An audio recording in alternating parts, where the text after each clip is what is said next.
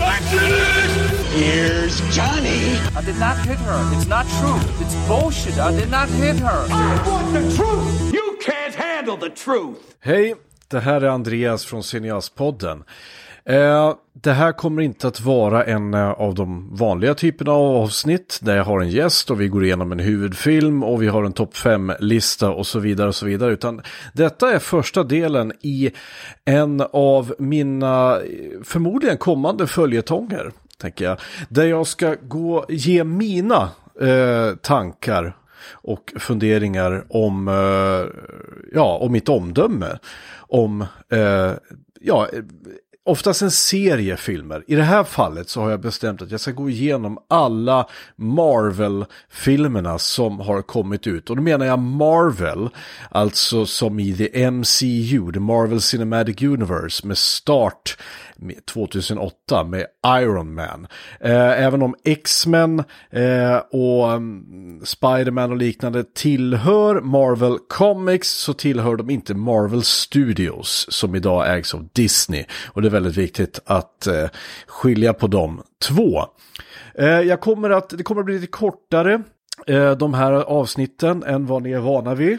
Eh, men det är också poängen. Det ska vara korta och eh, lite så här rapid fire. Där jag går igenom alla filmerna en efter en. Vad jag tycker om dem och vad de har betytt för mig. Och så vidare. Okej, okay.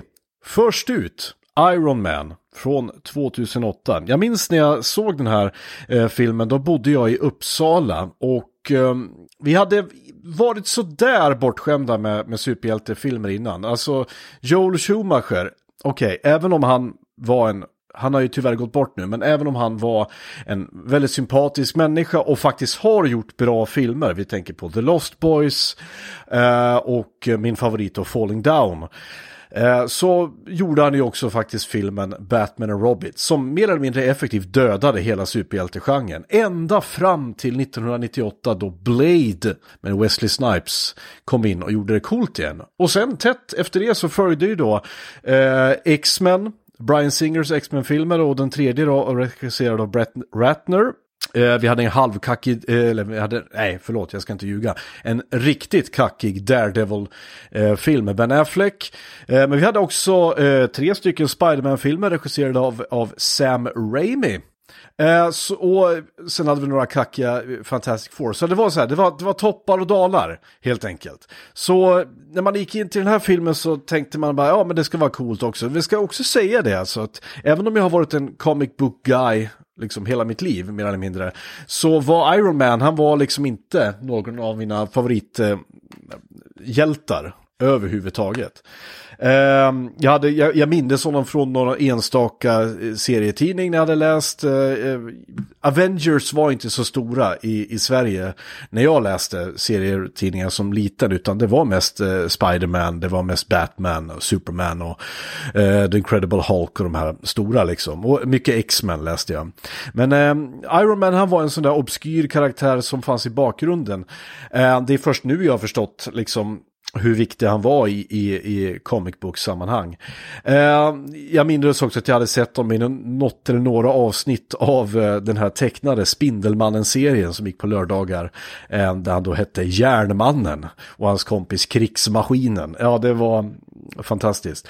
Hur som helst. 2008, jag är på biograf i Uppsala med några kompisar och eh, vi vet inte vad vi eh, riktigt eh, ska se. Och så drar filmen igång eh, och uh, vi får följa en bil i öknen. En, en, en Humvee. Uh, och eh, uh, ACDC's Back in Black uh, spelas. Så då, ja, bra öppning. Och ja, kort sagt. Eh, Tony Stark är en eh, multimiljardär, ett tekniskt eh, ingenjörsgeni som har blivit rik på att eh, eh, tillverka och sälja vapen. Men en dag här ute i öknen då så blir han kidnappad av terrorister som tvingar honom att bygga en eh, ska bygga en bomb eller någon missil av något slag för att som ska användas då som ett terroristvapen. Men istället för att göra det så bygger han en och jag ska inte ljuga, jävligt badass dräkt av plåt. Han ser ut som, ja men typ så här, vad heter han? Heter han Plåt-Niklas? Han heter typ Järnmannen, eller vad, vad fan heter han? Han är i Trollkarlen från Oz. Tin Man heter han i alla fall på engelska. Plåtmannen kan vi säga att han heter på svenska.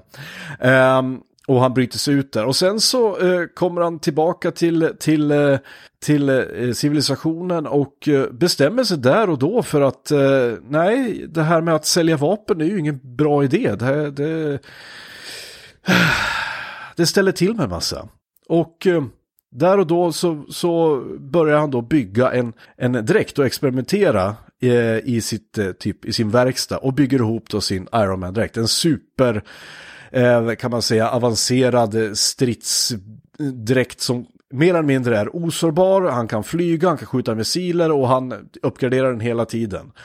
Eh, och hans då eh, business partner spelas av eh, Jeff Bridges smider planer i bakgrunden för han eh, vill ju absolut inte sluta sälja vapen. Det är det de tjänar pengar på. Så han, han allierar sig, eller han visar sig att han redan är en skurk. Han har allierat sig med de här terroristerna för att de ska döda Tony Stark och eh, ja, ta över bolaget helt enkelt. Och det är väl inte så mycket mer med det kan man säga, utan ja, den här filmen jag måste säga att än idag, eh, så här 14 år senare, så är det här en av mina favoritfilmer i, i det här universumet. Dels för att jag... Eh, jag vet inte, den är charmig och det, det ska, jag ska inte ljuga. Filmen är absolut bra och den skulle kunna funka. Men den skulle absolut inte nå de här höjderna som den gör utan Robert Downey Jr. Robert Downey Jr. är Tony Stark, han är Iron Man. Bara de scenerna när han är i verkstaden ensam och egentligen det enda sällskapet som han mer eller mindre improviserar och freebasar mot är en mekanisk robotarm eh, och en AI.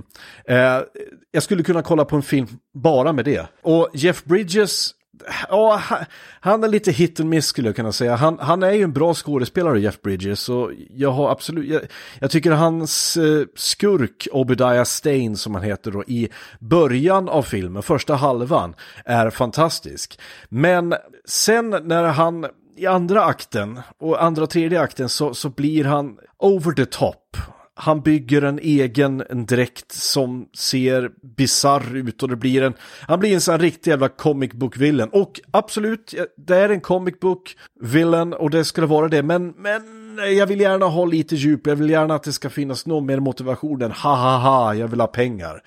Det, det var lite bland så här trist, men som sagt, filmen räddas ju och höjs till, till de här höjderna den har av Robert Downey Jr. som är fantastiskt rolig att titta på hela tiden.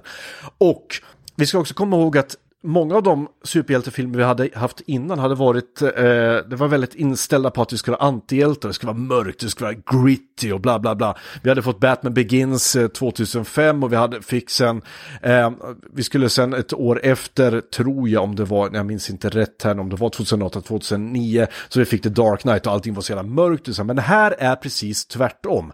Allting är färgglatt, det är mycket dagtid. Och det är, det är mycket explosioner och det är, det, är, det är skön musik, det är mycket ACDC, det är Black Sabbath. Eh, och det, det, är bara en fun ride. Man har roligt när man ser filmen. Och det är det... Eh, jag fick precis vad jag ville ha när jag, kom, när, när, jag, när jag gick och såg den här på bio. För att inte heller förglömma att eh, det som händer då, eh, det som skulle bli en Marvel-staple, alla som går och ser en Marvel-film idag, eller en MCU-film idag, vet att man går inte eh, bara för att filmen är slut, därför att det kommer efter textscener, post-credit eh, scene. Och här fick vi se den första. Vi fick se då eh, Samuel Jackson dyker upp som, som Nick Fury, eh, som är chef över eh, antiterrororganisationen Shield och säger att eh, vi håller på att sätta ihop ett lag. I wanna tell you about the Avenger Initiative. Eh, och vi comic book-nördar, vi blev ju liksom wow, cool, cool referens där.